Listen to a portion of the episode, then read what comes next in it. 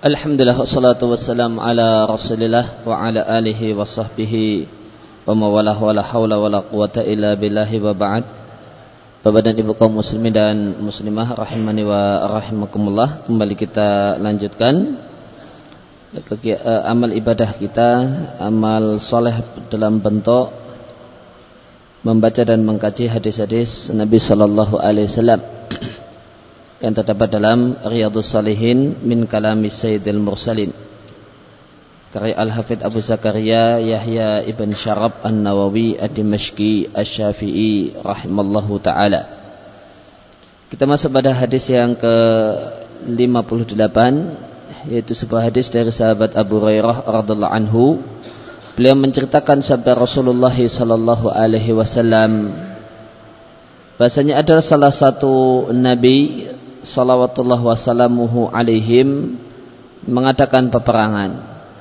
Maka dia berkata kepada kaumnya tidak boleh ikut aku seorang yang baru saja menikahi seorang perempuan dan dia ingin sat, e, ngamar ya, kumpul dengan istrinya. Dan dia belum pernah kumpul dan dia belum kumpul dengan istrinya. Demikian juga tidak boleh ikut aku dalam perang seorang yang telah e, sedang membangun rumah dan dia belum memasang atapnya.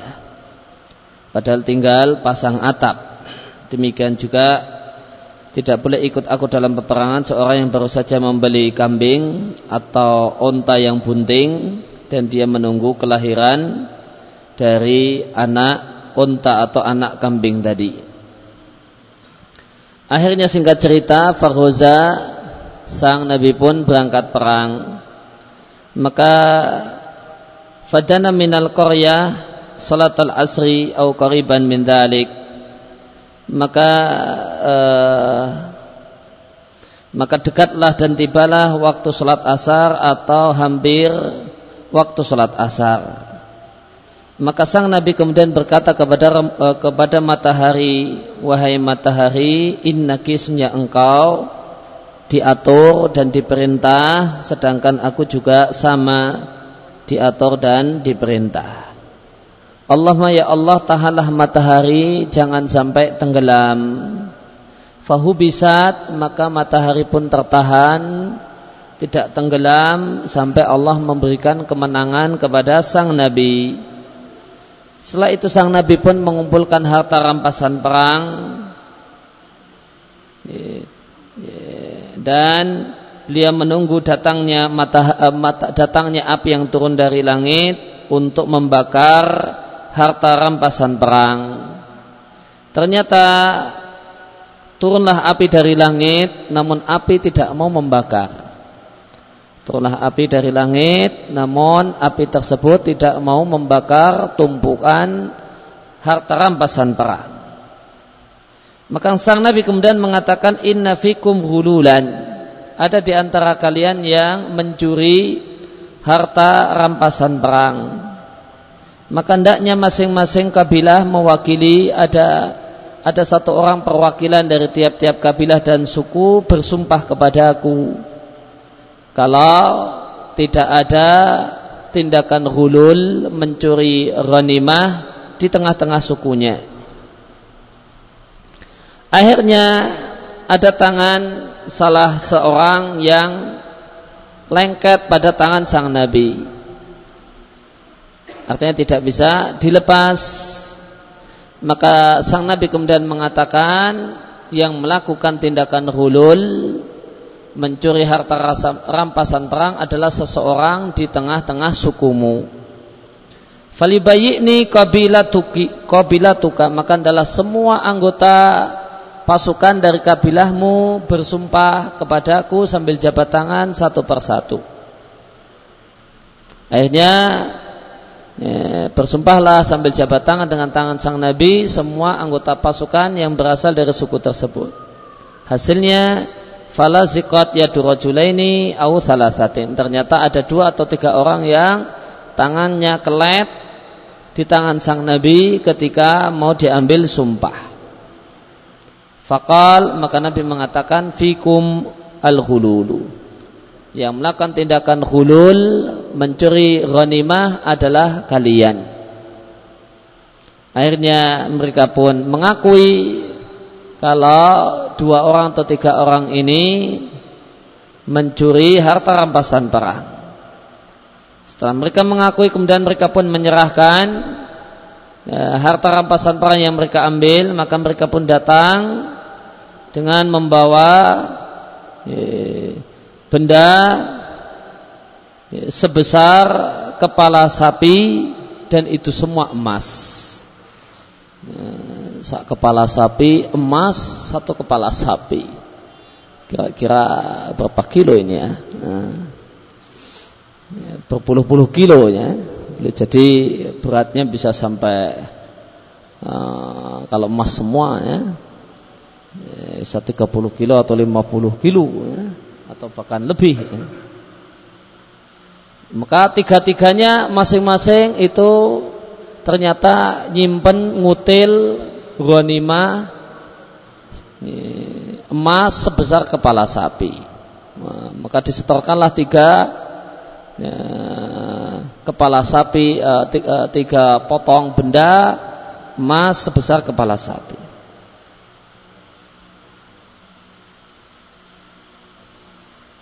Maka datanglah mereka bertiga membawa satu benda semisal kepala sapi yang seluruhnya terbuat dari emas. Lalu mereka letakkan bersama harta rampasan perang yang lain, maka datanglah api dan melahap semua e, harta rampasan perang tersebut. Kemudian Nabi katakan, Falam tahilul ghanaimu li ahadin qablana. Harta rampasan perang itu tidaklah halal untuk satupun nabi sebelum kita, satupun umat nabi sebelum kita. Thumma ahalallahu lana al-ghanaim. Barulah untuk kita umat Muhammad sallallahu alaihi wasallam Allah menghalalkan harta rampasan perang. Kenapa mendapatkan hukum yang berbeda? Lama ra'a dha'fana wa ajzana karena Allah melihat kalau kita itu lemah dan tidak mampu. Fa'ahal fa'ahallaha lana maka Allah halalkan harta rampasan perang untuk kita. Mutafakun alaih hadis ini diriwayatkan oleh Bukhari dan Muslim. Dalam saya Muslim judul bab yang dibuat oleh An-Nawawi adalah bab halalnya harta rampasan perang untuk umat ini saja yang tidak berlaku untuk umat-umat yang lain. Penjelasannya hadis ini yang dibawakan oleh An-Nawawi rahimallahu taala mengandung sejumlah kejadian luar biasa. Mengandung beberapa bahasa bebasnya mukjizat. Eh, Nabi kita Muhammad sallallahu alaihi wasallam menceritakan adanya seorang nabi alaihi wasallam yang eh, anak ghaza kauman dia memerangi sekelompok orang yang dia diperintahkan untuk memerangi mereka. Akan tetapi sang Nabi ini alaihi salatu melarang setiap orang yang baru saja akad nikah dan belum kumpul dengan istrinya, Nabi ini larang untuk ikut perang. Demikian juga setiap orang yang baru saja bangun rumah dan rumahnya itu hampir selesai, tinggal atapnya saja yang belum dipasang, tidak boleh ikut perang. Demikian juga orang yang membeli kambing atau unta betina yang bunting dan dia tunggu kelahiran e, unta atau anak unta atau anak kambing itu. Kenapa tiga jenis orang ini dilarang? Dikarenakan mereka-mereka sibuk dengan apa yang menyibukkan mereka. Maka si laki-laki tentu sibuk mikirkan istrinya. Ya. Kemudian yang bangun rumah sibuk, aduh rumahku tinggal ya, satu langkah selesai. Ya, ini kalau kayak gini dipakai kebocorannya kalau hujan, panas kepanasan, hujan kehujanan. Dan yang ketiga tadi ya, menunggu-nunggu dia ikut perang namun pikirannya di rumah, ya, kambingku sudah beranak ataukah belum, untaku sudah beranak ataukah belum maka dia tidak konsentrasi dengan jihad. Maka tiga jenis orang ini dilarang oleh sang Nabi untuk ikut berangkat perang.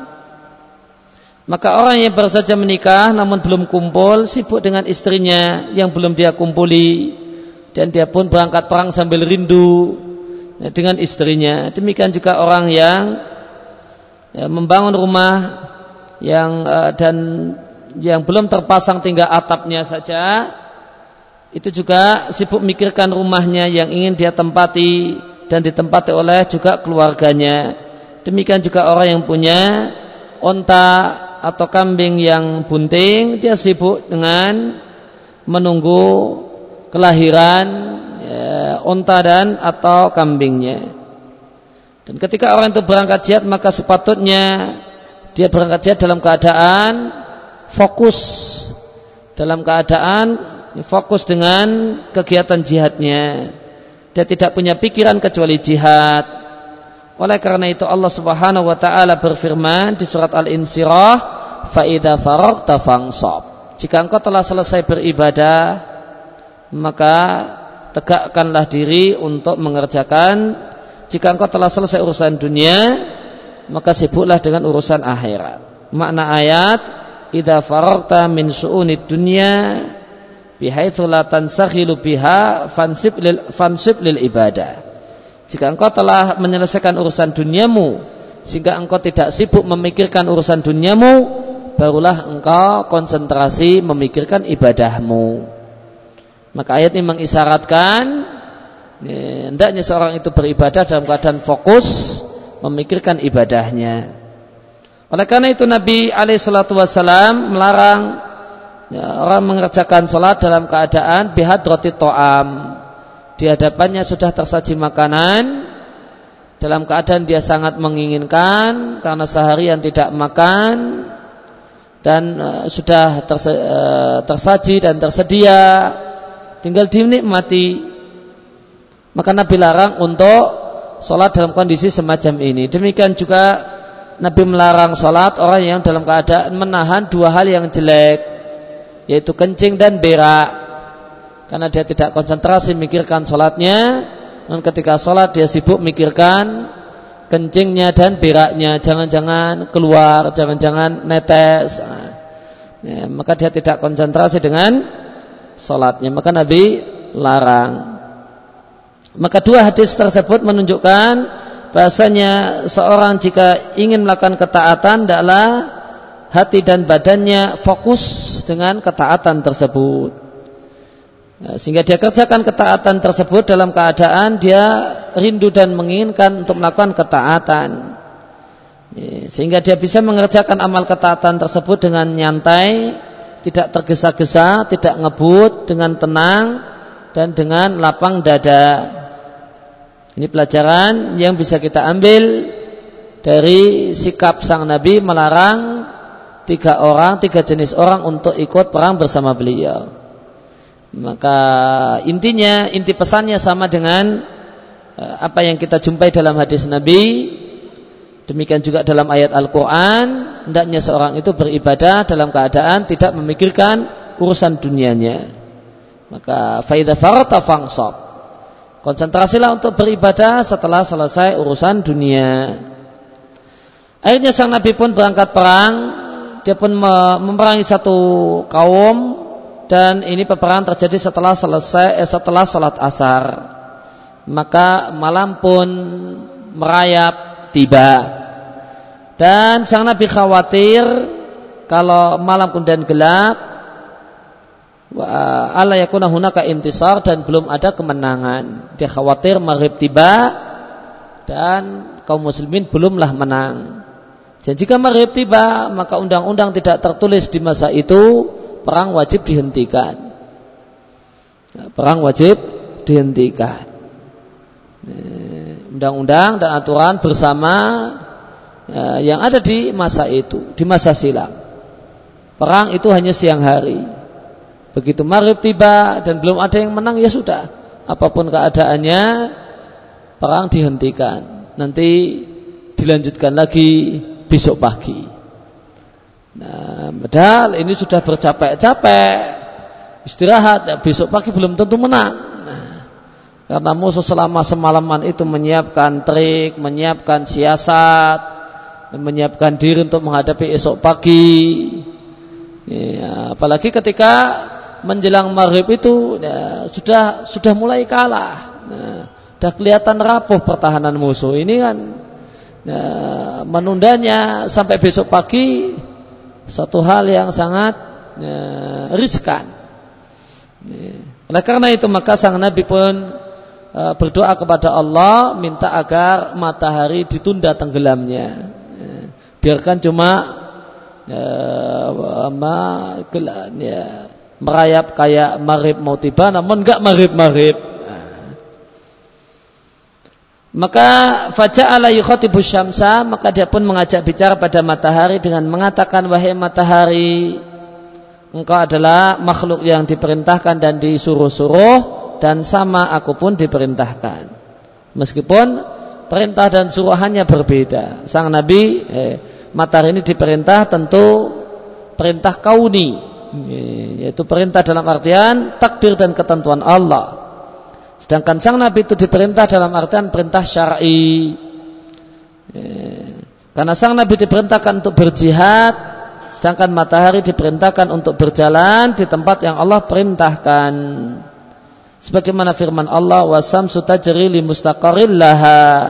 dan matahari berjalan pada tempatnya. Dzalika taqdirul azizil alim. Demikian ketentuan zat yang maha perkasa lagi zat yang maha mengetahui. Maka sejak Allah menciptakan matahari, matahari berjalan di tempat yang diperintahkan, tidak geser, tidak maju dan tidak mundur dari tempat yang Allah perintahkan, tidak turun, tidak pula naik dari tempat yang Allah perintahkan. Kemudian sang Nabi berdoa, Allahumma fahbisha anna Ya Allah tahanlah matahari jangan sampai jangan keburu tenggelam dulu. Maka Allah pun menahan matahari sehingga matahari tidak tenggelam pada waktu tersebut. Sampai sang Nabi menyelesaikan perangnya dan dia menang perang dan dapat banyak harta rampasan perang. Maka tatkala dia mendapatkan banyak rampasan perang dan harta rampasan perang di umat terdahulu tidaklah halal. Tidaklah halal dimanfaatkan oleh orang-orang yang ikut berperang. Karena halalnya harta rampasan perang orang kafir adalah hukum khusus untuk umat Muhammad sallallahu alaihi wasallam walillahil hamdu. Adapun umat terdahulu maka ya, ketika selesai perang mereka akan mengumpulkan harta rampasan perang di tanah lapang lalu akan turunlah api dari langit yang api ini bertugas untuk membakarnya. Maka harta rampasan perang pun dikumpulkan di tanah lapang dan tempat terbuka. Namun e, ternyata api tidak turun dan tidak membakar harta rampasan perang tersebut. Hmm.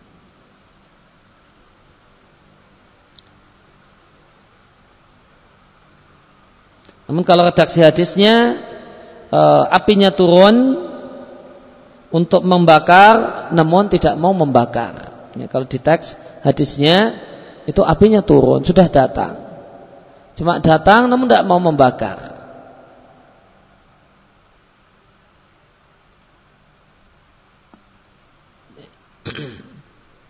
Uh, maka uh, ternyata api tidak mau membakar harta rampasan perang, maka sang Nabi mengatakan ada di antara kalian para tentaraku orang yang melakukan tindakan hulul mencuri harta rampasan perang mengambil sembunyi-sembunyi harta rampasan perang maka Nabi perintahkan setiap kabilah untuk memajukan mengajukan satu orang yang berbaiat kepada beliau menegaskan tidak ada kabilahnya yang melakukan tindakan hulul tatkala mereka bersumpah dengan sang Nabi tidak ada teman-teman yang melakukan hulul maka ada tangan satu orang yang melek, uh, yang lengket dengan tangan sang Nabi.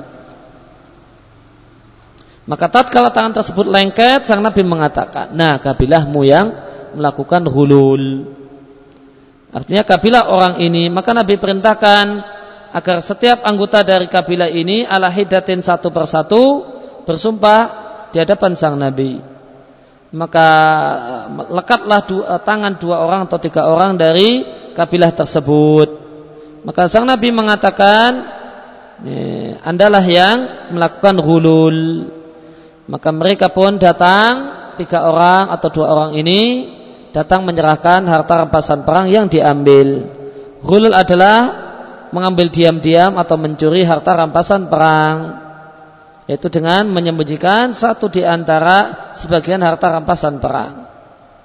Maka ternyata yang mereka sembunyikan adalah sebesar kepala sapi minat zahab berupa emas.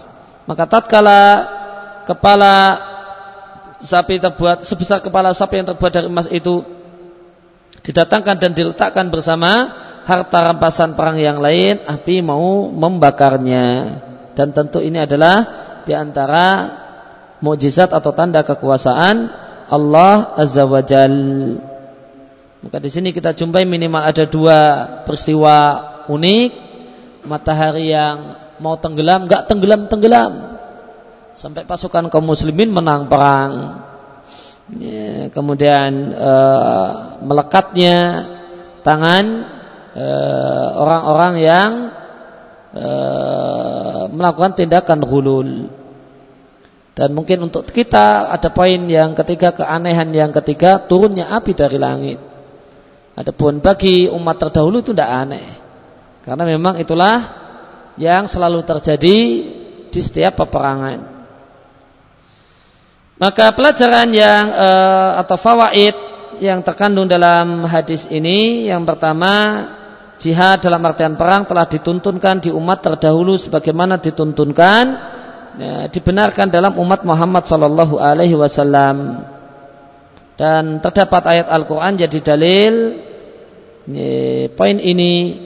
Allah katakan wa ka'ayyin nabiyyin betapa banyak seorang nabi kotala yang berperang ma'ahu ribiyuna bersamanya sejumlah orang yang jumlahnya banyak maka mereka tidaklah lemah terhadap apa yang menimpa mereka di jalan Allah, mereka tidak pula lemah, tidak pula mereka hina.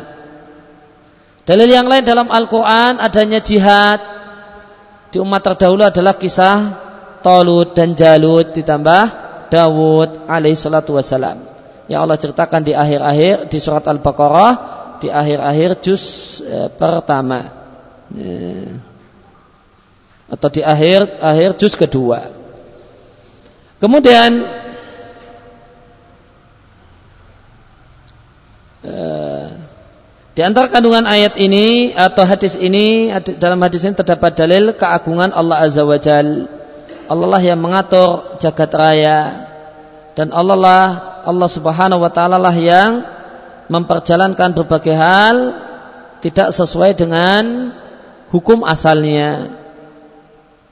Ya, maka Allah lah pengatur jagat raya sehingga jika Allah berkehendak maka matahari yang harusnya tenggelam tidak tenggelam. Hanyalah Allah yang punya kewenangan untuk supaya sesuatu tidak berjalan sesuai dengan hukum asalnya.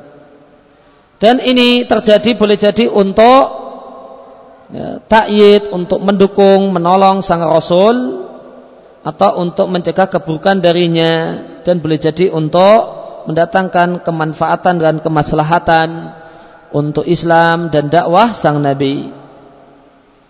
Yang jelas bahasanya ya, mukjizat yang Allah berikan pada para nabi itu adalah bentuk pertolongan kepada mereka dengan ya, bentuk apa pun dari sisi mana pun.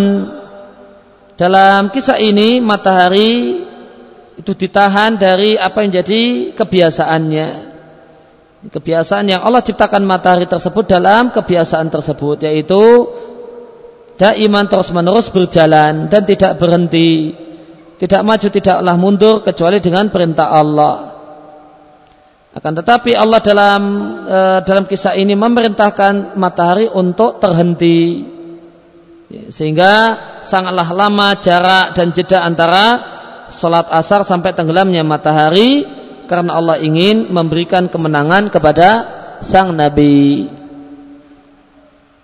Maka dalam kisah uh, yang ada dalam hadis ini terdapat bantahan kepada para pemuja uh, alam yang mengatakan bahasanya uh, al-aflak uh, bahasanya benda-benda langit itu tidak akan mengalami perubahan.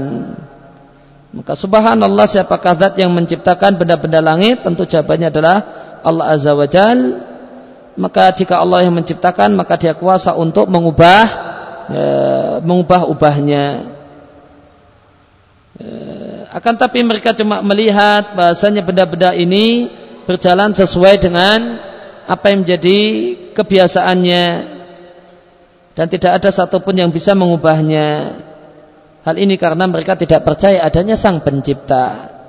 Maka beliau katakan, beliau ceritakan adanya orang-orang, uh, adanya orang yang kata beliau adalah ateis, ingkar Tuhan yang meyakini bahasanya alam itu permanen dan tidak mengalami perubahan-perubahan.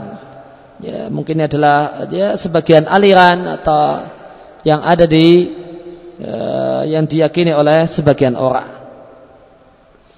Namun terdapat dalil dari Quran dan Sunnah yang menunjukkan bahasanya benda-benda langit itu bisa berubah-ubah dengan perintah Allah. Contohnya sang Nabi ini berdoa pada Allah maka berhentilah matahari. Demikian juga Rasul kita Muhammad Sallallahu Alaihi Wasallam tatkala orang-orang musyrik minta agar diperlihatkan satu mukjizat yang menunjukkan benarnya kenabian Nabi kita Muhammad Sallallahu Alaihi Wasallam maka Allah berisyarat pada rembulan maka terbelahlah rembulan menjadi dua bagian dan semua orang musyrik Mekah bisa menyaksikannya. Satu potong di atas bukit Sofa dan satu potong rembulan lagi di atas bukit Marwa. Sebagaimana yang Allah ceritakan dalam surat Al-Qamar iktarabatis sa'ah wa ansaqal qamar. Kiamat telah makin dekat dan rembulan pun terbelah wa iyyarau ayatan yu'ridu dan jika mereka melihat mukjizat mereka berpaling dan mereka mengatakan sihirun mustamir ini adalah sihir yang terus menerus dan berkelanjutan. Artinya mereka mengatakan orang-orang musyrik Mekah ketika itu mengatakan bahasa Muhammad mensihir kami karena rembulan tidaklah terbelah. Namun Muhammadlah yang mensihir mata kami. Dialah yang merusak penglihatan dan mata kami. Karena memang orang kafir yang betul-betul kafir yang memang dalam takdir Allah jatahnya adalah neraka itu tidak akan beriman meskipun dia melihat berbagai macam bukti dan mukjizat. Sebagaimana firman Allah di surat Yunus, "Innalladzina haqqat alaihim kalimatu rabbika la yu'minun." Orang-orang yang Allah putus untuk masuk neraka, ya, maka dia tidak akan beriman. Walau ja'athum kullu ayatin meskipun telah sampai kepada mereka datang pada mereka berbagai macam bukti dan mukjizat. Nas'alullah walakum afiyah wa ayahdiya kulubana. Maka kita minta pada Allah agar Allah menyelamatkan kita dari hal semacam ini dan memberikan hidayah kepada hati kita. Karena hati manusia ada di antara dua jemari Allah Ar-Rahman yang Allah bolak-balikkan sebagaimana yang dia kehendaki dan Allah palingkan sebagaimana yang Allah inginkan. Maka orang yang telah Allah putus untuk masuk neraka mendapatkan azab, tentu selamanya dia tidak akan beriman meskipun kita datangkan segala macam bukti. Oleh karena itu tatkala mereka orang-orang musyrik meminta pada Rasul kita Muhammad sallallahu alaihi wasallam satu mukjizat, lalu mereka pun diperlihatkan kepada mereka mukjizat yang demikian mengagumkan ini yang tidak ada satupun orang yang bisa melakukannya mereka malah mengatakan ini adalah sihir wa kadzabu wa tabau ahwa'ahum maka mereka dustakan dan mereka mengikuti hawa nafsu mereka. Wa uh, amrin mustaqir dan semua perkara telah tetap pada tempatnya. Kemudian eh, pelajaran yang lain dari hadis ini, hadis ini menjelaskan tentang nikmat Allah terhadap umat ini, di mana Allah halalkan untuk umat Muhammad Sallallahu Alaihi Wasallam harta rampasan perang yang didapatkan dalam peperangan dengan orang kafir. Padahal harta rampasan perang itu haram untuk umat sebelum kita. Dan dalam harta rampasan perang ini terdapat manfaat yang sangat besar bagi umat Islam yang membantu mereka untuk melaksanakan jihad dan menolong untuk terwujudnya jihad. Ya, fahum maka umat Muhammad Sallallahu Alaihi Wasallam mendapatkan ghanimah dari orang kafir e, sejumlah harta yang banyak yang bisa mereka gunakan untuk perang pada kesempatan berikutnya. Dan ini adalah sebuah anugerah dan kebaikan Allah untuk umat Muhammad sallallahu alaihi wasallam. Dan ini Nabi tegaskan dalam hadis yang lain, aku diberi lima hal yang tidak diberikan pada seorang pun Nabi sebelumku. Salah satunya ghanimah halal untukku dan itu tidak halal untuk satu pun Nabi sebelumku. Dan halalnya ghanimah untuk umat Muhammad sallallahu alaihi wasallam adalah dalil halalnya harta bercampur antara yang halal dengan yang haram. Tentu e, hartanya orang kafir sumbernya macam-macam. Yang dalam timbangan syariat kita boleh ada yang halal, ada yang haram.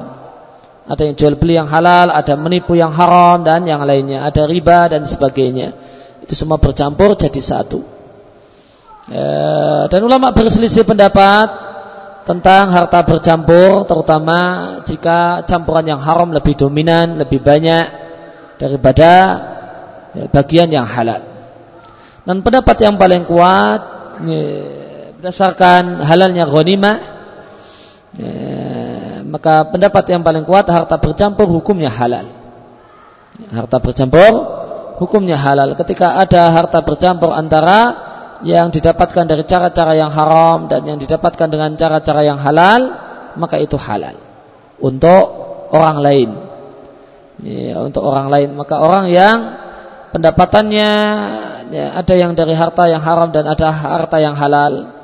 Kemudian tetangganya itu diberi sesuatu oleh orang ini. Halalkah pemberian orang tersebut? Ya, maka menurut sebagian ulama kalau dominan uh, unsur yang haram maka itu haram. Namun pendapat yang paling kuat adalah halal hadiah tadi uh, untuk si tetangga adalah halal mengingat halalnya ghanimah. Dalilnya ghanimah itu halal. Seandainya harta bercampur itu haram, maka harusnya ghanimah juga haram. Kemudian dalam hadis ini terdapat tanda kekuasaan Allah yaitu orang-orang melakukan hulul tangannya lengket dengan dua tangan sang Nabi dan ini tentu kejadian yang luar biasa. Khilaful adah, kejadian luar biasa. Akan tapi itu bukanlah satu hal yang aneh karena Allah itu maha kuasa atas segala sesuatu. Lianal ada kenapa kita katakan luar biasa karena menurut kebiasaan jika satu tangan itu ber, e, menjabat tangan yang lain, maka tangan tersebut bisa lepas. Akan tapi ternyata orang-orang yang melakukan hulul, tangannya tidak bisa lepas dari tangan sang Nabi. E, maka mereka tetap berpegangan dengan tangan sang Nabi dan adalah tanda ya, maka ini adalah tanda kalau dia melakukan hulul. Dan hal ini adalah dalil dan bukti bahasanya sang Nabi tidak tahu hal yang gaib. Ini adalah dalil bahasanya sang Nabi tidak tahu hal yang gaib. Kalau sang Nabi tahu hal yang gaib, tidak perlu kemudian diminta untuk bersumpah plus jabat tangan. Sudah langsung tunjuk kamu kan, kamu kan. Dan ternyata tidak demikian. Namun pakai proses panjang.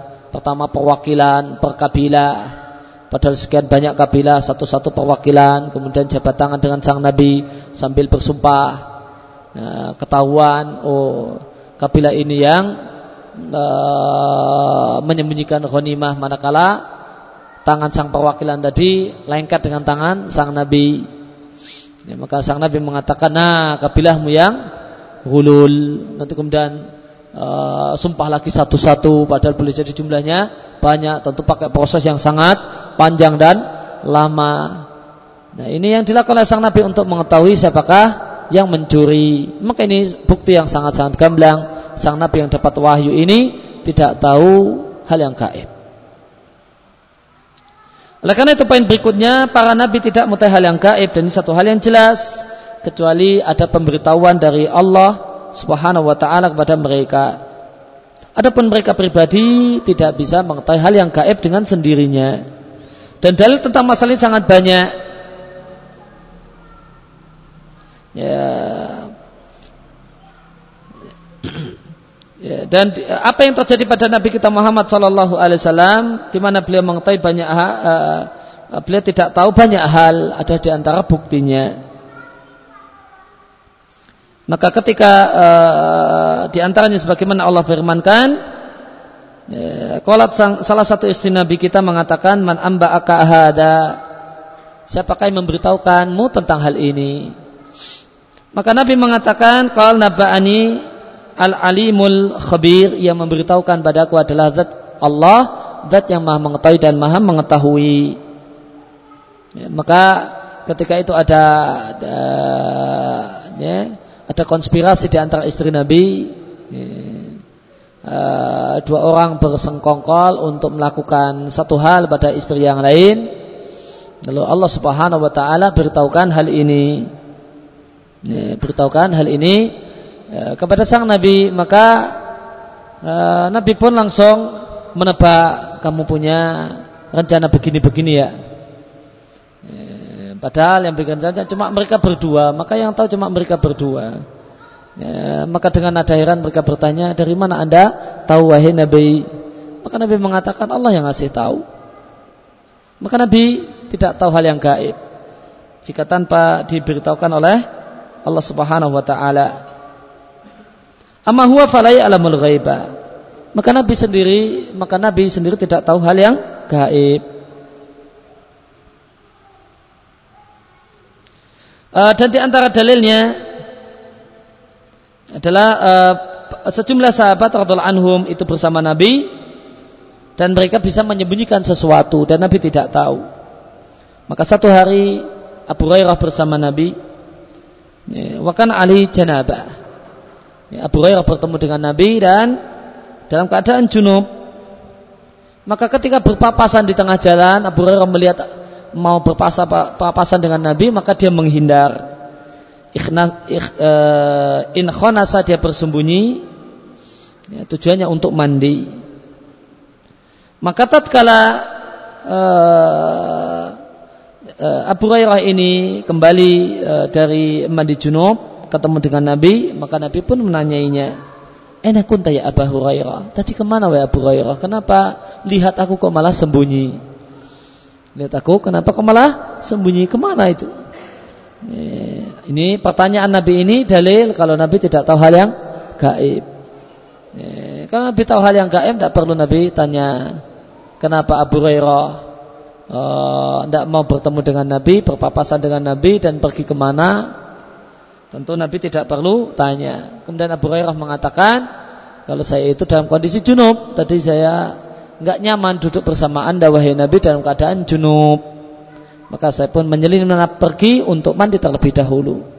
Maka Nabi Shallallahu Alaihi Wasallam dan meluruskan uh, pemahaman ini, anggapan tidak nyaman duduk dengan uh, orang lain dalam kondisi uh, wajib mandi, maka Nabi mengatakan al mukmin la yanjus Orang beriman itu tidak najis, tidak kotor, tidak ada alasan bagimu untuk tidak uh, berani duduk bersamaku. Karena seorang mukmin itu tidak najis dan kotor badannya. Maka kita lihat uh, Rasul alaihi salatu wasallam tidak mengetahui hal yang hal yang gaib, bahkan tidak ada satupun makhluk yang mengetahui hal yang gaib. Sebagaimana firman Allah Azza wa Jal, alimul ghaibi Allah lah zat yang hal yang gaib fala yudhiru ala ghaibihi ahada. Dan Allah tidak bocorkan hal yang gaib tersebut kepada siapa pun. Illa man min rasulin kecuali rasul kecuali manusia yang Allah ridai yaitu rasul. Fa innahu yasluku min baini yadayhi wa min khalfihi rasada maka uh, sesungguhnya ada pengintai ada yang mengawasi ya, di hadapannya dan di belakangnya, di belakang, di hadapan dan di belakang sang Rasul. Maka Allah tegaskan ya, bahwasanya Allah hanya Allah yang mengetahui hal yang gaib. Tidak ada manusia yang tahu hal yang gaib kecuali ketika Allah beri bocoran. Dan siapa yang Allah beri bocoran? Hanya para rasul. Maka jika dia maka jika seorang itu mengaku dan atau mengesankan tahu hal yang gaib padahal dia bukan rasul utusan Allah maka bohong Berdasarkan ayat ini surat Al-Jin ayat 26 dan 27 maka dia bohong ketika mengklaim atau mengesankan kalau mengetahui hal yang gaib, mengetahui masa depan. Karena satu-satunya manusia yang Allah bocori, beri bocoran tentang hal yang gaib berdasarkan surat Jin ayat 27 adalah Rasul saja. Karena min di sini adalah uh, lil bayan. Bukan li tab'id. kecuali orang-orang yang Allah ridai di antaranya adalah Rasul bukan. Ya, makna ayat kecuali orang-orang yang Allah ridai itulah para rasul.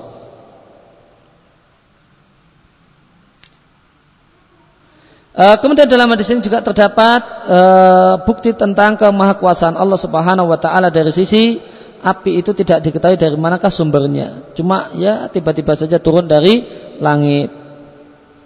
Ya, tidak diketahui apakah dia dari pepohonan di bumi ataukah eh, kayu-kayu kering di muka bumi. Ya, uh, maka api tersebut bukan dari pepohonan, bukan pula dari kayu-kayu kering, namun dari langit yang Allah perintahkan untuk turun untuk membakar habis harta rampasan perang tersebut yang telah dikumpulkan wallahu muwafiq.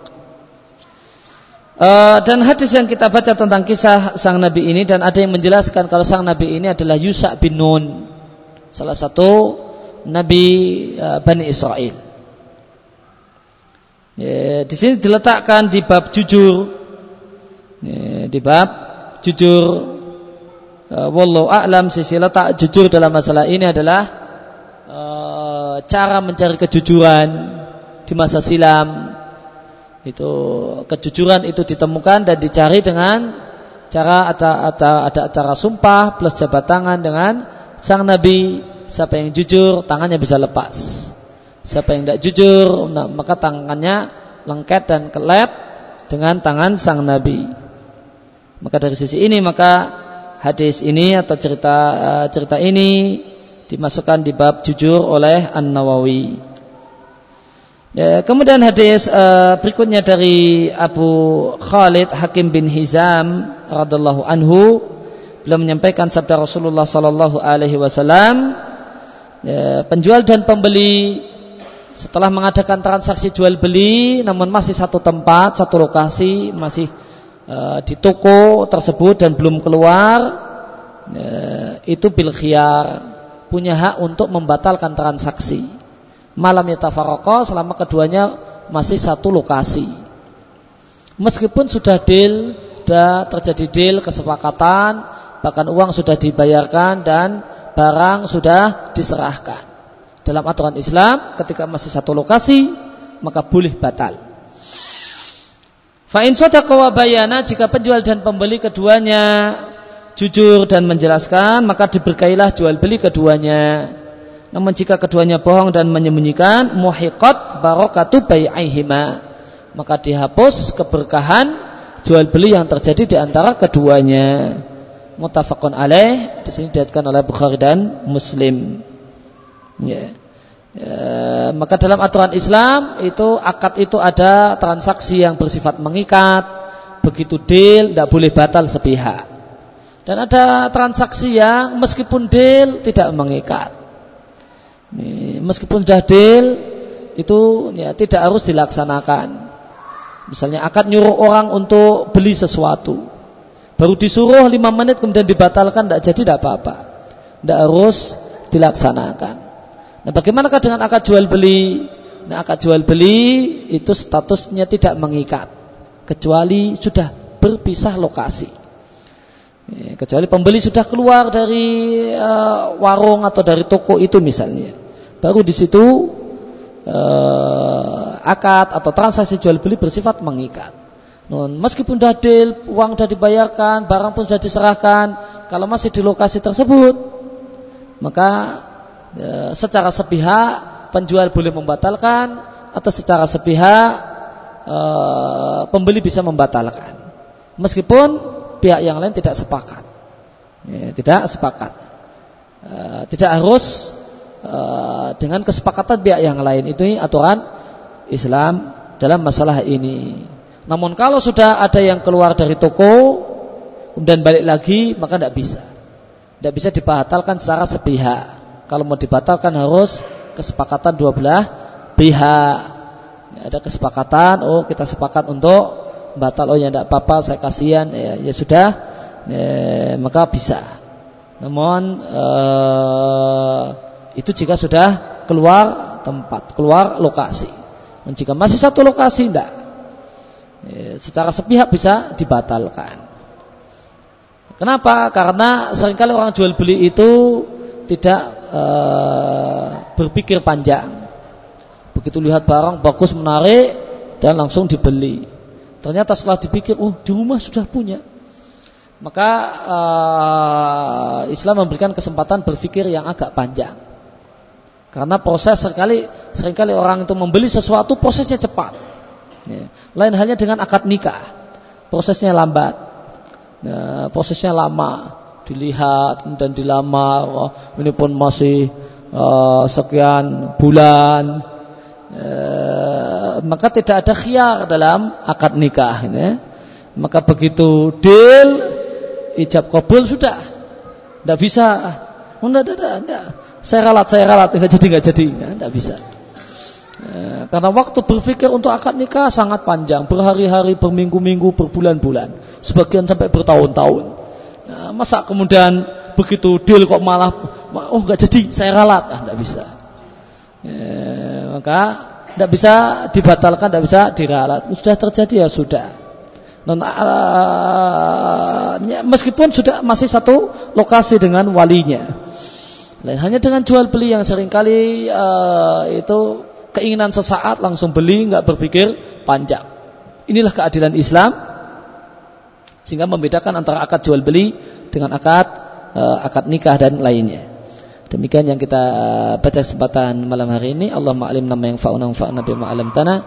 Wa zina ilmu sallallahu ala nabina Muhammadin wa ala alihi wa sallam. Wa rutawana alhamdulillahi rabbil alamin. Subhanaka Allahumma wa bihamdika asyhadu an la ilaha illa anta astaghfiruka wa atubu ilaih.